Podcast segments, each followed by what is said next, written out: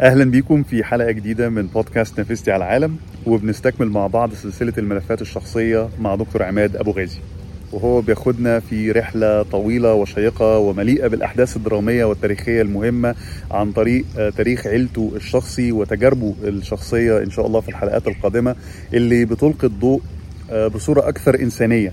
على يمكن أحداث تاريخية كتير إحنا قريناها وذاكرناها وعرفناها لكن بتفرق كتير لما نحاول نبص لها من وجهة نظر الناس اللي عاشوها وأهلهم وأولادهم وإزاي أثرت فيهم وأثرت في تكوينهم وأثرت في تكويننا وأثرت في الحياة الاجتماعية والثقافية والسياسية اللي إحنا بنعيشها النهارده. وأنا قاعد شغال على الحلقات المرة دي بما إن أنا كنت عاوز أنزلها في يناير آه كنت متحمس جدا إنها تنزل في يناير باعتبار إن لما بدأنا البودكاست أصلا بدأناه في يناير 2022 وبرضه كانت البداية مع دكتور عماد أبو غازي. آه لكن الحقيقة عشان كالعادة اتأخرت في ال editing والشغل على الحلقة هلت علينا روايح 25 يناير وذكريات وسرديات ولطميات 25 يناير. الحقيقة ده وقفني للحظة هل من المناسب إن أنزل الحلقات دلوقتي ولا هتبقى out of context باعتبار إن كل الناس حاليا بتفكر أو بتفتكر في سرديات يناير وإيه اللي حصل وبقينا فين وكنا فين وكل الأسئلة الشرعية والمنطقية في هذا الوقت من كل سنة. يمكن واحد من أهم دوافع سلسلة الملفات الشخصية والبودكاست من أساسه هو توثيق حياتنا وتوثيق تجاربنا وتوثيق أفكارنا. وإزاي إن لازم يكون في نوع أنواع التراكم. وإن لما نفتكر نفتكر بالتفصيل. ولما نفتكر ما نفتكرش إن الدنيا ابتدت من تاريخ معين أو إن الأحداث بدأت من تاريخ معين بل إن إحنا امتدادات. امتدادات لتجارب مختلفة ومحاولات مختلفة يا إما في العمل العام يا إما في الثقافة المصرية في حد ذاتها. ال ال إحنا مين؟ وجينا منين؟ وكنا بنعمل إيه زمان؟ وجينا هنا ليه؟ ورايحين فين؟ من أين أتينا وإلى أين سنذهب؟ الأسئلة دي دي محتاجة تراكم دي محتاجة إجابات طويلة محتاجة أسئلة معقدة محتاجة نقاشات طويلة. فعشان كده البودكاست بتاعي بودكاست طويل ونقاشات طويلة لأن في الحقيقة أنا بحاول أفهم بحاول أفتكر معاكم. يمكن هو ده التراكم اللي ساعات كتيرة بينقصنا. يمكن هي دي المعاني اللي بنفقدها لما بنقرأ أسطر قليلة بتقول أرقام بحتة أو بتقول أحداث مجردة من التجربة الإنسانية. دكتور عماد بياخدنا بهدوء رهيب جدا في أحداث درامية جدا وأحداث مؤسسة بصورة كبيرة. فأرجو إنكم تستمتعوا بالحلقات اللي أنا بنزلها دلوقتي مع دكتور عماد في سلسلة الملفات الشخصية اللي دايما هتبقى شغالة parallel للحلقات العادية بتاعت البودكاست. وأرجو إنكم تعملوا بقى كل الحاجات اللي أكيد بقيتوا حافظينها إن بعد ما تسمعوا الحلقة على جوجل بودكاست أو على سبوتيفاي أو على أبل بودكاست أو على يوتيوب لو أنتوا بتحبوا تتفرجوا على الفيديوهات أكتر إنك. إنكم تعملوا like و share و subscribe وتضغط على الجرس وتعمل share لأصحابك. بس أهم حاجة اعمل comment اسأل أسئلة شوف أنت عاوزنا نجاوب على إيه تاني. عاوز دكتور عماد على إيه؟ عاوز نتكلم على إيه؟ ويلا بينا نسمع دكتور عماد وإحنا بنكمل معاه الملفات الشخصية لدكتور عماد أبو غازي أنا هواري هواري. هعيد التواصل مع كل أصدقائي اللي متمفورين حوالين العالم وسمي البودكاست دوت نافذتي على العالم عشان هم فعلا هيبقوا نافذتي على العالم. وأرجو إن النقاشات دي كمان تكون ملهمة بالنسبة لكم زي ما هي ملهمة بالنسبة لي. أنتوا كمان هتبقوا نافذتي على العالم. أهلا بيكم في حلقة جديدة من نافذتي على عالم لو أنت متابعنا كويس أكيد أنت عملت like و subscribe للبودكاست على يوتيوب. ولو أنت بتتابعنا على سبوتيفاي أو على أبل بودكاست أو على جوجل بودكاست برضو تكون عامل لنا follow على البودكاست المختلفة. الحلقة اللي فاتت إحنا دكتور عماد كان خدنا في تاريخ عيلته مع العمل العام. والحقيقة هو تاريخ عريق جدا وقديم جدا يمكن من بداية الدولة المصرية الحديثة ودايما في فرد في عيلة دكتور عماد إن ما كانش أكتر من فرد وهو متصدر المسؤولية في العمل العام في حاجة أو اتنين أو على الأقل في على المستوى الثقافي والمستوى الفني. بنرجع تاني مع حضرتك يا دكتور عماد صباح الخير. صباح الخير. إحنا في شوية ديلي زي ما حضرتك ملاحظ فهنحاول نسيب فواصل وأنا هحاول أظبطها في المونتاج. يعني إحنا المرة اللي فاتت آه، كنا وقفنا عند آه، مشاركة مختار في مؤتمر فرساي اللي هي جت بالصدفة طبعا ما هياش مشاركة سياسية. مشاركته الفنية باعتباره مدير لمتحف آه، جريفان للتماثيل الشمعية في باريس وإنه طلبوا منه إنه يعمل تماثيل لل يعني السياسيين اللي مشاركين في فرساي. النقلة الحقيقية اللي حصلت في حياة مختار كان مع النموذج الأول لتمثال نهضة مصر اللي عرضه في صالون باريس سنة 20 وتصادف وجود سعد زغلول وقيادات الوفد المصري في باريس في الوقت ده وشافوا التمثال وسعد كتب كلمة تحية آه، يعني رسالة تحية المختار على عمله وبدأت حملة في مصر بدأها آه، مجموعة من أعضاء الوفد حافظ الدكتور حافظ عفيفي اللي كان وقتها لسه عضو في الوفد المصري وويصا واصف آه، وبدأوا واصف غالي وبدأوا يكتبوا مقالات في الصحف تدعو لإقامة التمثال في ميدان عام. وبالفعل تبنت جريدة الأخبار اللي كان بيصدرها أمين الرافعي آه، ودي طبعا غير الأخبار الجديدة بتاعت مصطفى وعلي أمين اللي صدرت في الأربعينات. آه، تبنت جريدة الأخبار حملة للاكتتاب الشعبي لإقامة التمثال. وده تاني اكتتاب شعبي في تاريخ مصر لإقامة تمثال أول اكتتاب كان الاكتتاب اللي اتعمل إقامة تمثال مصطفى كامل بعد وفاته.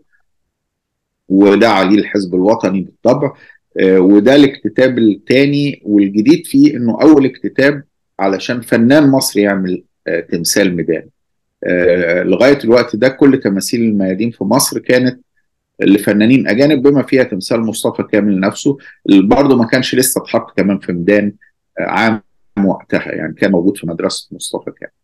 فبدأ اكتتاب شعبي اتجمعت فيه عدة آلاف من آه، الجنيهات كانت بتتجمع من ملاليم وقروش من مصريين مختلف الطبقات الاجتماعية. يعني بنلاقي آه، عمال في السكة الحديد فلاحين في قرية آه، أطفال في مدارس موظفين سيدات ربات بيوت. يعني التبرعات كانت من قطاع واسع جدا من المجتمع. وهنا بدأ كمان فكرة إن الدولة آه، تدخل كطرف في إقامة التمثال خصوصا في الفترة اللي اتشكلت فيها حكومات برئاسة عبد الخالق ثروت وبعدها عدلي يكن آه، يعني عدلي يكن وبعدها عبد الخالق ثروت الفترة دي كان في دعم للتمثال ومع آه، اكتساح الوفد الأول انتخابات نيابية في ثلاثة في آخر 23 وتشكيل حكومة سعد زغلول في 24 بقى في دعم كبير جدا من خلال البرلمان لإقامة التمثال والاستكمال المبلغ المطلوب لإقامته في ميدان عام بدعم حكومي يكمل الاكتتاب الشعبي اللي تقريبا آه، يعني جمع نص تكلفة إقامة التمثال. وحصل طبعا صراعات آه، آه، حوالين إقامة التمثال في ميدان باب الحديد اللي هو المدخل الرئيسي للعاصمة وقتها كان في رغبة من الملك ومن يعني أنصاره إن التمثال ينزوي لأنه رمز لثورة شعبية احراج جماهيري واسع. آه، فكرة إن مختار اختار الفلاحة كرمز للنهضة آه، ده في حد ذاته كان تحدي كبير جدا. آه، فالمعركة هي الحقيقة معركة من معارك الاستحواذ على الفراغ العام. يعني دايما في صراع على امتلاك الفراغ العام في مع العصر الحديث. فدي أحد أهم المعارك لانتزاع مساحة من الفراغ العام تعبر عن الشعب وعن الجماهير. لو دخلنا في, تحليل شوية اجتماعي وسياسي للظرف ده أنا يعني نمرة واحد إحنا هنا بنتكلم عن وقت التواصل الاجتماعي ما كانش موجود فيه شبكات ما كانش فيه شبكات تلفزيون يعني يمكن كان فيه راديو وصحافة. إيه اللي خلى جموع شعب من فقرائه ومن فلاحينه يبقوا مهتمين اولا بفكرة تمثال؟ وإن هم يبقوا شايفين فعلا إن التمثال دوت يعني المشروع حقيقي بيعبر فيها عن انتصارهم وانتصار الثورة. ال ال ال حضرتك بتكلم إن كان في تأييد ولجان من حكومات مختلفة في حكومات منها كانت تابعة للملك في حكومات منها طبعا حكومة الوفد لما كسبت. فاحنا بنتكلم عن اندورسمنت سياسي ومع إن في رفض سياسي من الملك. بنتكلم كمان عن رمزيات سياسية كانت موجودة في, في اختيار التمثال. وبنتكلم على وعي شعبي حتى بالرمزية السياسية دي ووعي سياسي بالرمزية السياسية لأن ده بيرسم لنا صورة مختلفة شوية عن اللي أنا فاهمها. يعني الناس وصل لها أصلا التمثال منين؟ الحماس ده جه منين؟ ولا هم مشوا ورا سعد زغلول وخلاص؟ يعني التفاصيل دي يمكن ممكن تلقي لنا بعض الضوء على المجتمع المصري ساعتها. هو اولا ما كانش فيه في بداية العمل غير الصحافة بس. الراديو بدأ متأخر في أثناء العمل في التمثال وكان في البداية كمان راديو مش راديو بالمعنى اللي إحنا عارفينه النهارده كانت محطات إذاعة خاصة. يعني كل واحد بيفتح إذاعة كده ويقول أي كلام وبعدين الإذاعة الرسمية ما بدأتش غير سنة 34 ومنعت كل الإذاعات الخاصة وأصبح الراديو احتكار للدولة. فهو الصحافة هي كانت الوسيلة الأساسية.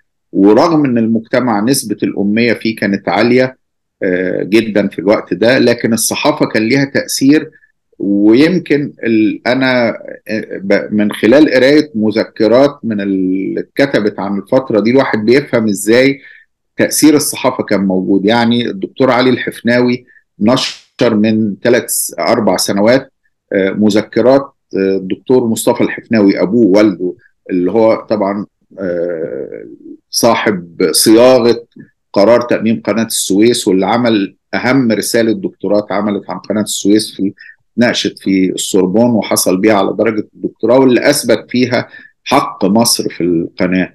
فالدكتور مصطفى الحفناوي بيحكي عن طفولته اللي كانت معاصرة للفترة دي وإزاي إن كان في في, في هو جاي من الريف زي معظم النخبه اللي جت بعد كده. فإزاي إن كان لما بيوصل الصحف في القطر كان بائع الصحف اللي موجود الفلاحين والأهالي بيتجمعوا حواليه عشان يقرا لهم اللي في الجرايد.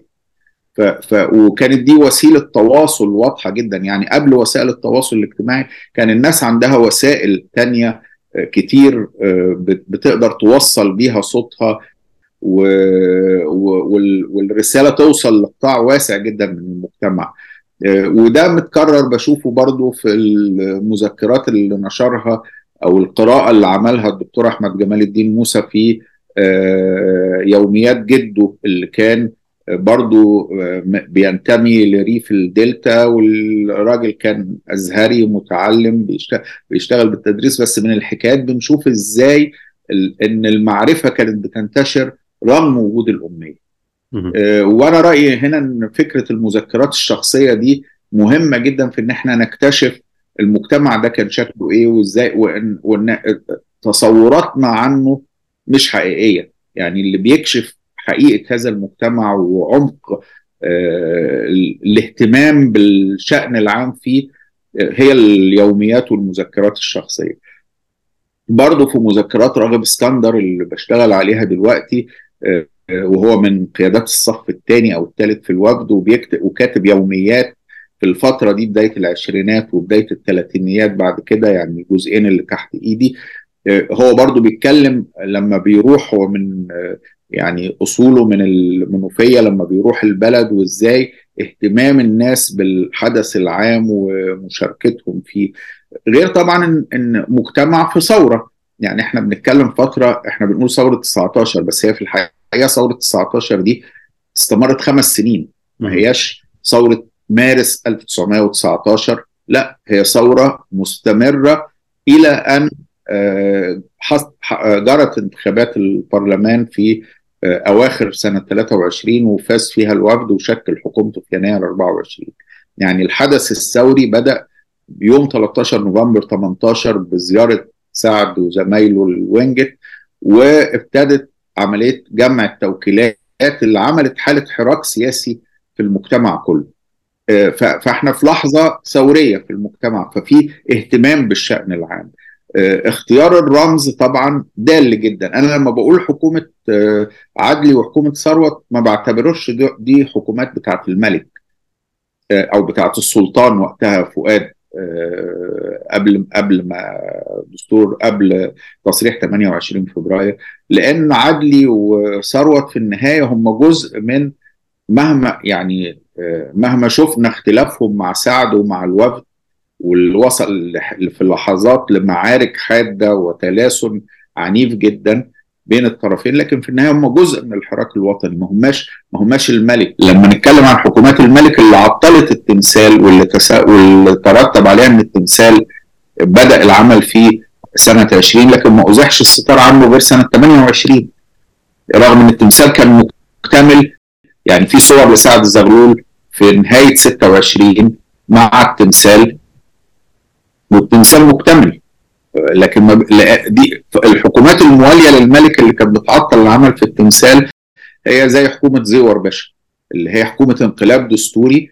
الملك بيطيح فيه بالدستور وبيجيب حكومة لا تملك لا تملك أي تأييد برلماني وبيصر على استمرارها لغاية ما بتزاح لما بيحصل ائتلاف بين الوفد والأحرار الدستوريين ويحلوا الخلافات بينهم ويتفقوا ويرغموا الملك على إجراء الانتخابات ويعودوا للسلطة مقتسما إن سعد يبقى رئيس البرلمان وعدل يبقى رئيس الحكومة. فهنا إحنا قصاد لحظة تاريخية خاصة جدا في تاريخ مصر الاهتمام بالشأن العام عالي جدا دكتور عماد حضرتك كده بترسم لنا صورة يعني في التاريخ يمكن كانت ملحمة درامية شوية يعني التمثال لو إحنا قلنا إن مش حتى بطلها مختار هو بطلها تمثال نهضة مصر في حد ذاته. إن كان في عملية إن تم اختيار إن التمثال دوت مشروع قومي يجب تمويله أو كتاب شعبي يجب تمويله. كان في وعي شعبي ووعي سياسي برمزية التمثال ورمزيه المكان اللي هيتحط فيه التمثال. كان في وعي سياسي من الملك ومن أطراف تابعة للملك إن التمثال ده مشروع مش المفروض إنه يكتمل. لو حضرتك ترسم لنا ال ال ال الصورة دي يعني أنا حاسس إنها قصة درامية شوية. مين أبطالها وإيه دلالاتها؟ وهل لما التمثال تم إقامته كانت دلالته لسه واضحة في ذهن الناس ولا كان التأخير دوت أثر عليه؟ آه طيب هو اولا الفكرة جات لمختار مع الثورة. آه وهو كان في باريس وقت الثورة عمل في الأول تمثال وكسره. ليه صورة وحيدة موجودة آه نشرها الناقد جبرائيل بؤتر آه وكان صورة تمثال يعني كلاسيكي خالص. آه في شكل حد يعني رأى كأنه واحد ما تعرفش هو لابس عقال ولا لابس إيه الصورة الوحيدة اللي موجودة صورة على شبكة فمش واضحة قوي وكأنه بيشد سيف من جنبه وهو كسر التمثال واعتبر إن ده وبعدين جاله فكرة تمثال الفلاحه وابو الهول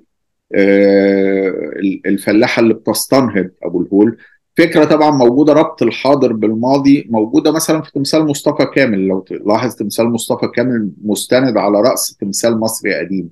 لكن مختار طورها في فكرة الفلاحة اللي هي بيعتبرها أصل الحضارة وفي نفس الوقت هي القوة الفاعلة في المجتمع في وقت كمان مرتبط ليه دلالة مرتبطة بخروج المرأة بشكل واسع للعمل العام مع ثورة 19 والتمثال الأولاني الملامح بتاعته مختلفة. يعني لما نشوف تفاصيل النموذج اللي اتعرض في صالون باريس اللي هو نموذج صغير بحجم أصغر بكتير من الحجم اللي التمثال.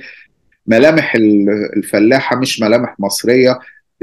أبو الهول نفسه قريب قوي من الشكل من التماثيل الإغريقية لأبو الهول. اللي هي واخدة الشكل الإغريقي مش المصري.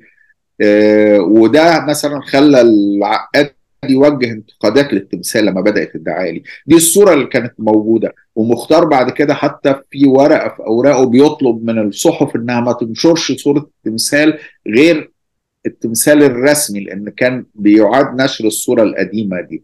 آه وبدأ في الوقت ده يتعمل أشكال من الدعاية. في كروت بوستال مثلا فيها صورة التمثال ودعوة لتأييد المشروع. الأطراف اللي أيدت التمثال طبعا سعد زغلول في كلمته الأولانية لكن ده بعد ما لفت انتباهه بعض أعضاء الوفد زي ويصا واصف وزي حافظ عفيفي وزي واصف غالي لأهمية التمثال. وبعدين تبني امين الرافعي للحملة في الأخبار. والشخصيات السياسية الأخرى اللي كانت داعمة رشدي باشا اللي هو رئيس الوزراء اللي استقال واستقالته كانت المفجر لضغط إنجلترا لنفي ساعده وتفجر ثورة 19 اللي هو ليه مواقفه الوطنية وعدلي يكن وعبد الخالق ثروت اللي تولوا رئاسة الوزاره في فترة بداية التمثال ودعموا المشروع.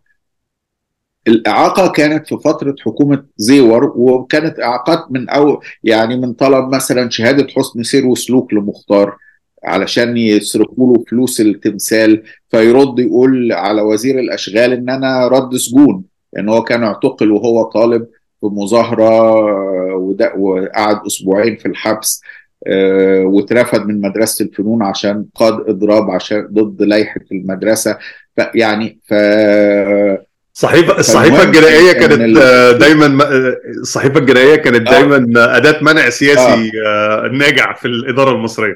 فطبعا يعني غير العقبات البيروقراطية التقليدية يعني لكن بشكل عام كان في حتى شركة السكة الحديد بتوافق على نقل الجرانيت من أسوان للقاهرة متطوعة. يعني في حالة دعم مجتمعي أرغمت الرافضين يعني القوى المحافظة اللي رافضة إن يبقى في فلاحة هي رمز للوطن في ميدان رئيسي مدخل العاصمة. ميدان باب الحديد هو المكان لسنوات أنت حتى لما بتقيس يعني دخول القاهرة يعني أغلبه كان بيجي من السكة الحديد في الوقت ده. ما بيجيش من وسائل تانية. فاللي جاي من قبلي وجاي من بحري بينزل من المحطة يشوف التمثال. اللي مسافر بيشوف التمثال. شارع الملكة نازلي بقى وقتها كان ما كانش لسه الملكة نازلي مش فاكر كان وقتها اسمه شارع إيه يعني.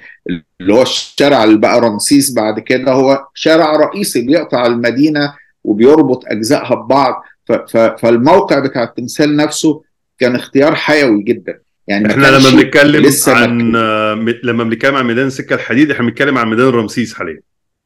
ميدان رمسيس الحالي ميدان باب الحديد اللي هو ميدان رمسيس الحالي. فإحنا بنتكلم إن اختيار الاختيار كان إن إحنا هنحط التمثال أو يعني الدعم الشعبي كان إن إحنا هنحط التمثال بتاع الفلاحة اللي بيمثل ثورة 19 في ميدان رمسيس المكان اللي كل الناس اللي من جميع أقاليم وبر مصر بيجوا للقاهرة من خلاله يبقى دي أول حاجة يشوفوها. بالظبط إنه ده المكان المركزي. وطبعا وقتها ما كانش مركزية ميدان الإسماعيلية اللي هو ميدان التحرير كانش ليه القيمة المركزية دي لأن كان في معسكرات القوات البريطانية يعني كان ارتباطه حتى المظاهرات الرئيسية اللي حصلت زمان كانت بتروح ميدان عابدين. يعني في الثورة العربية المظاهرة هي مظاهرة عابدين. يعني مركزية ميدان التحرير أو الإسماعيلية أو قصر النيل حسب مسمياته بدأت مع فبراير 46 مع مظاهرات الطلبة ومع مظاهرة يوم الجلاء 21 فبراير اللي وصلت الميدان والإنجليز ضربوا نار على المتظاهرين وكده. فهنا ابتدى بعدها حصلت المليونية اللي بتأيد الكفاح الشعبي في القناة الكفاح الشعبي المسلح ضد الإنجليز بعد إلغاء المعاهدة. فوقتها كان باب الحديد هو المكان المركزي المهم وعابدين وطبعا مش منطقي إنه هيتعمل في قصر عابدين قصاد القصر الملكي. فالمهم فبدأ هنا الاهتمام ده والاكتتاب. التمثال وذيع عنه وطبعا الصحافة بتغطي باستمرار. يعني زيارة سعد زغلول لتمثال النهضة بتتغطى تغطية واسعة جدا في الصحافة وبتنزل صورها بيروح رشدي باشا يزور الموقع ويسا واصف يعني الشخصيات السياسية باستمرار بيتحول موقع العمل نفسه لمزار سياسي. بيتحول لعنوان بريدي يعني في أوراق في أوراق مختار جوابات جاية له على موقع تمثال نهضة مصر. دار تمثال نهضه مصر العنوان كده. ف فهنا في حالة في المجتمع كله وفي كتابة باستمرار وفي كاريكاتيرات بتنزل عن بتسخر من التأخير في التمساح في ازاحه الستار. الملك فؤاد بيرضخ في ظل بقى حكومة النحاس. يعني ازاحه الستار في مايو 28 كان رئيس الوزراء مصطفى النحاس. بعد وفاة سعد بأقل من سنة وواضح كما لو كان إن الملك يعني ما كانش عاوز طول ما سعد عايش إنه يزيح الستار يعني يبدو إن ده فهنا المعركة استمرت لفترة الثمان سنوات دي هي معارك مستمرة حوالين إقامة التمثال خرج مختار من ده لمعركة تانية اللي هي معركة تمثالين سعد زغلول. يعني مع وفاة سعد ومشروعات تكريمه كان في ثلاث حاجات. إقامة الضريح واللي تم اختيار النموذج المصري القديم في الطراز المعماري بتاعته بشكل دال جدا إنه ما يتخذش بالشكل المودرن مملوك أو الإسلامي الحديث علشان دلالة إن سعد بيعبر عن الأمة كلها إن بيت إن بيت الأمة يتحول لمتحف بعد وفاة صفية زغلول. إنه يقول للدولة ويبقى متحف. الحاجة ان يتعمل تمثالين ميدان واحد في القاهرة وواحد في اسكندرية لسعد زغلول وتم تكليف مختار بيه رغم إن كان حصل في حياته خلافات بينه وبين سعد وعمل رسوم كاريكاتيرية كان بينزل سلسلة كاريكاتيرات اسمها الزغلوليات سخرية من سعد زغلول في الكشكول وفي السياسة الأسبوعية. فمختار السنوات الأخيرة من حياته دخل معركة تانية حوالين تمثالين سعد زغلول في القاهرة واسكندرية. هو عمل التمثالين وكان دايما بيقول إن في يعني في وجدان كل مصري تمثال لسعد زغلول حتى لو ما كانش فنان. وبدأ يعمل التمثالين بالفعل في سنة 30 حصل الانقلاب الدستوري الأخطر في تاريخ مصر في الحقبة شبه الليبرالية اللي هو انقلاب فؤاد صدقي فؤاد الملك فؤاد يعني واسماعيل صدقي باشا. واللي تمت فيه الإطاحة بحكومة النحاس وتعطيل الدستور الأول ثم إلغاء دستور 23 وعمل دستور 30 حكومة صدقي عطلت العمل في التمثالين وقفت العمل في التمثالين. وكان في حملات طبعا في الصحافة ضد موقف حكومة صدقي مش بس كده. ومنعت نقل رفات سعد زغلول للضريح. و... وقالوا الأول إن إحنا نعمله يبقى ضريح لكل زعماء مصر. فصفية زغلول رفضت ده فما اتعملش ما اتنقلش. فقرر إسماعيل صدقي إنه ينقل المومياوات من المتحف المصري يحطها في ضريح سعد آه وقال إن ما يصحش المومياوات تبقى معروضة للناس فقفل حجرة المومياوات ونقلهم في ضريح سعد ال ال وفي المقابل وفي فيما يتعلق بالتمثالين عطلهم ودخل مختار في قضايا مع الحكومة. كان المحامي بتاعه فيها عبد الرحمن الرافعي واستمرت القضايا والنزاعات لغاية وفاة مختار، مختار مات والقضايا شغالة والورثة هم اللي كسبوا القضية وحصلوا على تعويض مالي من الحكومة. لكن رغم كده ظل التمثالين في المخازن كاملين ومرفوض إقامتهم. وطبعا كان في حجج إزاي تمثال اولا كان المفروض تمثال سعد في القاهرة هيبقى في ميدان الإسماعيلية قصر النيل التحرير يعني فقرر ان يتعمل فيه تمثال لخديوي إسماعيل واتعملت القاعدة اللي ظلت فارغة بلا تمثال لغاية ما أزيلت في بداية سنة 80 مع مشروع إقامة مترو الأنفاق الأول وكان المفروض ترجع تاني ما رجعتش. واتنقل للضفة الثانية من النهر وبدأ يتقال ان إن التمثال قاعدته عالية جدا وده مبالغ فيه وإن التمثال قاعدته أعلى من قاعدة تمثال الخديوي إسماعيل وده ما يصحش. وإن في اسكندرية تمثاله في محطة الرمل أعلى من تمثال محمد علي اللي في ميدان المنشية وده ما يصحش. يعني حاجات من النوع ده يعني دخل يعني أنصار الملك بدأوا يثيروا قضايا من هذا النوع. والتمثالين ما أقيموش في مكانهم إلا بعد وفاة الملك فؤاد وتولي فاروق الحكم وفي بداية حكمه كان بيحاول يعمل مصالحة كده مع التاريخ فسمح بإقامة التمثالين في القاهرة وإسكندرية وإقامة تمثال مصطفى كامل إنه يخرج من مدرسته ويتحط في ميدان سوارس اللي بقى ميدان مصطفى كامل. ده ده مختار مات في في ظل الأزمة دي مات في السنين الأخيرة كان بين القاهرة وباريس وأصيب بالسل ومات بسبب ده مات كان يعني قضى أسابيعه الأخيرة في المستشفى في القاهرة وتوفي يوم 27 مارس 1934 كان يوم العيد وقتها العيد الكبير افتكر سنتها وتوفي في هذا اليوم وبكده اتقفلت صفحة حياته لكن استمر وجوده من خلال الجمعية اللي أسستها هدى شعراوي باسم جمعية أصدقاء مختار واللي بدأت تتبنى مشروع لإحياء ذكراه جمع أعماله المتناثرة بين القاهرة وباريس والأسرة يعني أم مختار وشقيقتيه قرروا أنهم يهدوا أعماله للدولة مقابل إقامة متحف ومقبرة. وبدأ المشروع ده اللي تبنته هدى شعراوي وبدأت بالفعل تجيب الأعمال اللي بره وتعمل نسخ من الأعمال اللي أصحابها مش عاوزين يتخلوا عنها.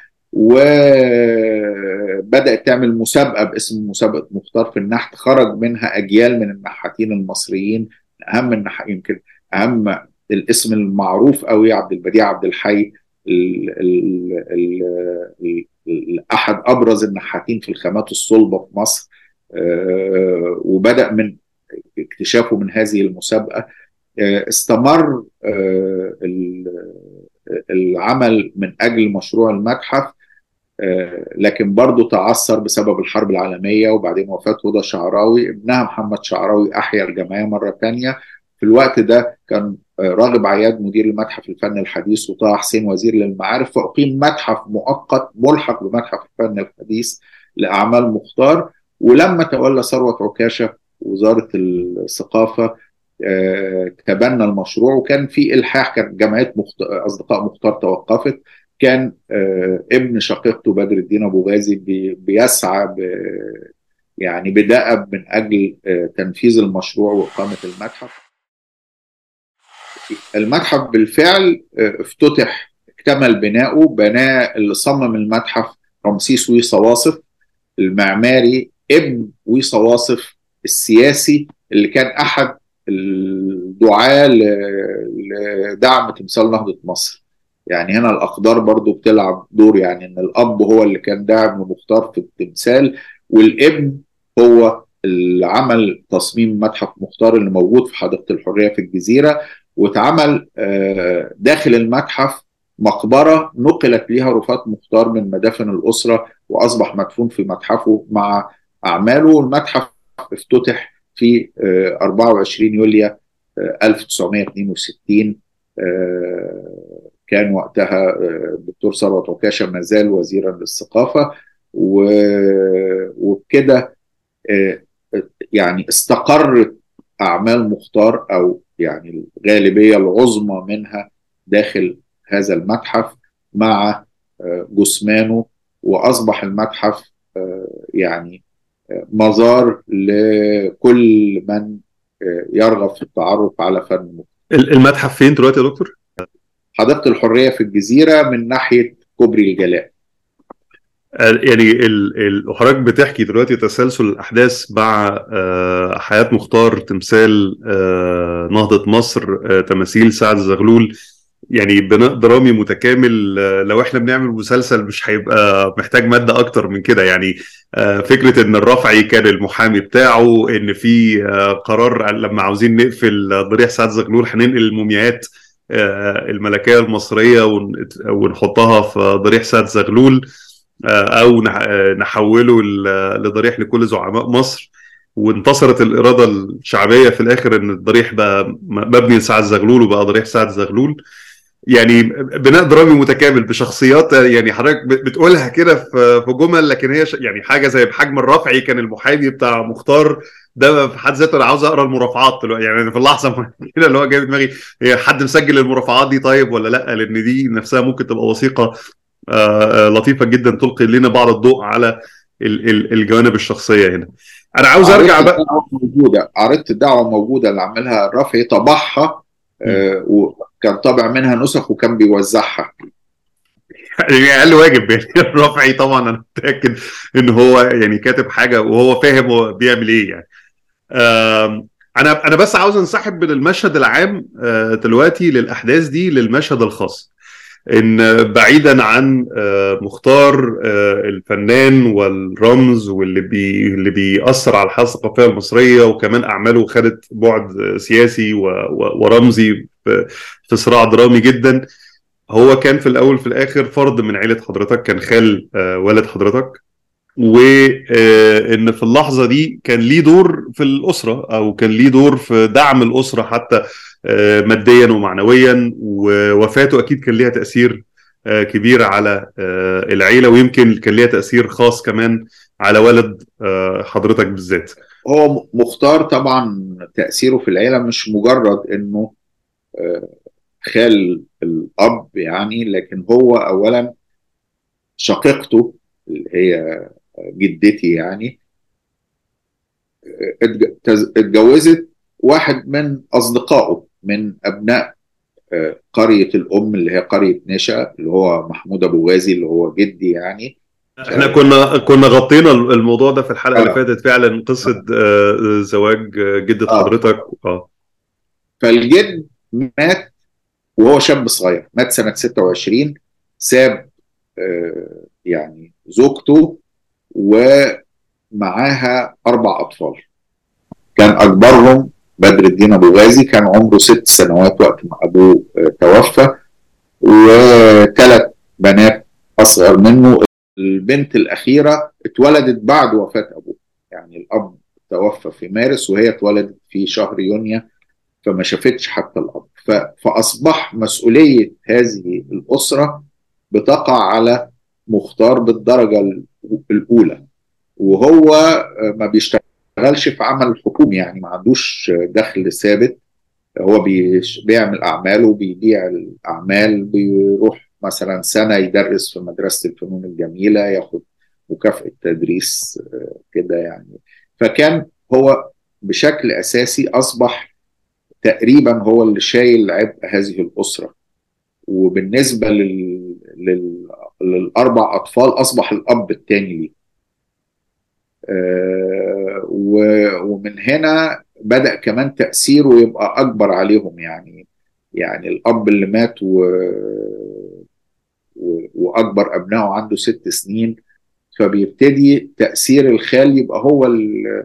ال... يعني المؤثر في تكوين الشخصية وفي الاهتمامات و... وغيره آه، لما مات مختار في مارس آه، 34 كان بدر الدين أبو غازي عمره آه، 14 سنة. بالنسبة له كان الموضوع صادم يعني بعد فقدان الأب آه، في وهو عنده ست سنين بيفقد الخال اللي هو الأب الآخر يعني يعني زي ما بيقولوا في المثل كده عندنا الخال والد. هو فعلا كان بالنسبة لهم يعني هم حتى كانوا بيقولوا له ما بيقولولوش يا خالي بيقولوا له بابا مختار. مم. كأنه الأب الثاني ليهم يعني. ففقدانه آه، بالتأكيد أثر والكلمات اللي كاتبها آه، بدر الدين أبو غازي في مفكرته وهو طفل عنده 14 سنة آه، أو صبي يعني عنده 14 سنة كاتب مشهد الوفاة إزاي إن جاء تليفون في البيت عند عند أقارب ليهم فجم بلغوهم إن في تعالوا نروح المستشفى والمشهد لما دخل المستشفى ومين الأشخاص إنه كان هناك عزيز المصري عزيز المصري كان صديق لمختار آه، و- حضرتك حضرتك كاتب ال ال ال- المذكرات بتاعت والد حضرتك في المدونة بتاعتك ال 50 2 آه. أنا فاكر إن أنا إن أنا قريتها إن هو ده كان تاني يوم العيد أو آخر يوم أو أول يوم العيد بس في آخر اليوم. يوم آه. أول يوم العيد بس في آخر اليوم وكان آه. في المفارقة المعتادة اللي يمكن في ناس كتيرة مننا حسوها لما فقدوا حد من من قرايبهم إن أول يوم العيد إن هو كان كاتب آه، نبذة أو مذكراته عن أول يوم العيد إنه كان يوم جميل وإن هو كان بقاله فترة ما انبسطش والنهاردة كان يوم آه، مبهج وبتاع وانتهى اليوم بخبر وفاة آه، والده آه، آه، أو يعني خاله اللي هو بمقام والده آه، مختار تمام بالظبط ف... فهنا بدأ يعني تحول يعني أنا بتصور إن ده الوفاة المبكرة دي أو الوفاة مختار مات 43 سنة يعني وفاة مبكرة وفي نفس الوقت في سن بدر الدين أبو غازي فيه في مرحلة مبكرة من عمره كان ليها تأثير كبير جدا على إنه يصبح ناقد للفن التشكيلي.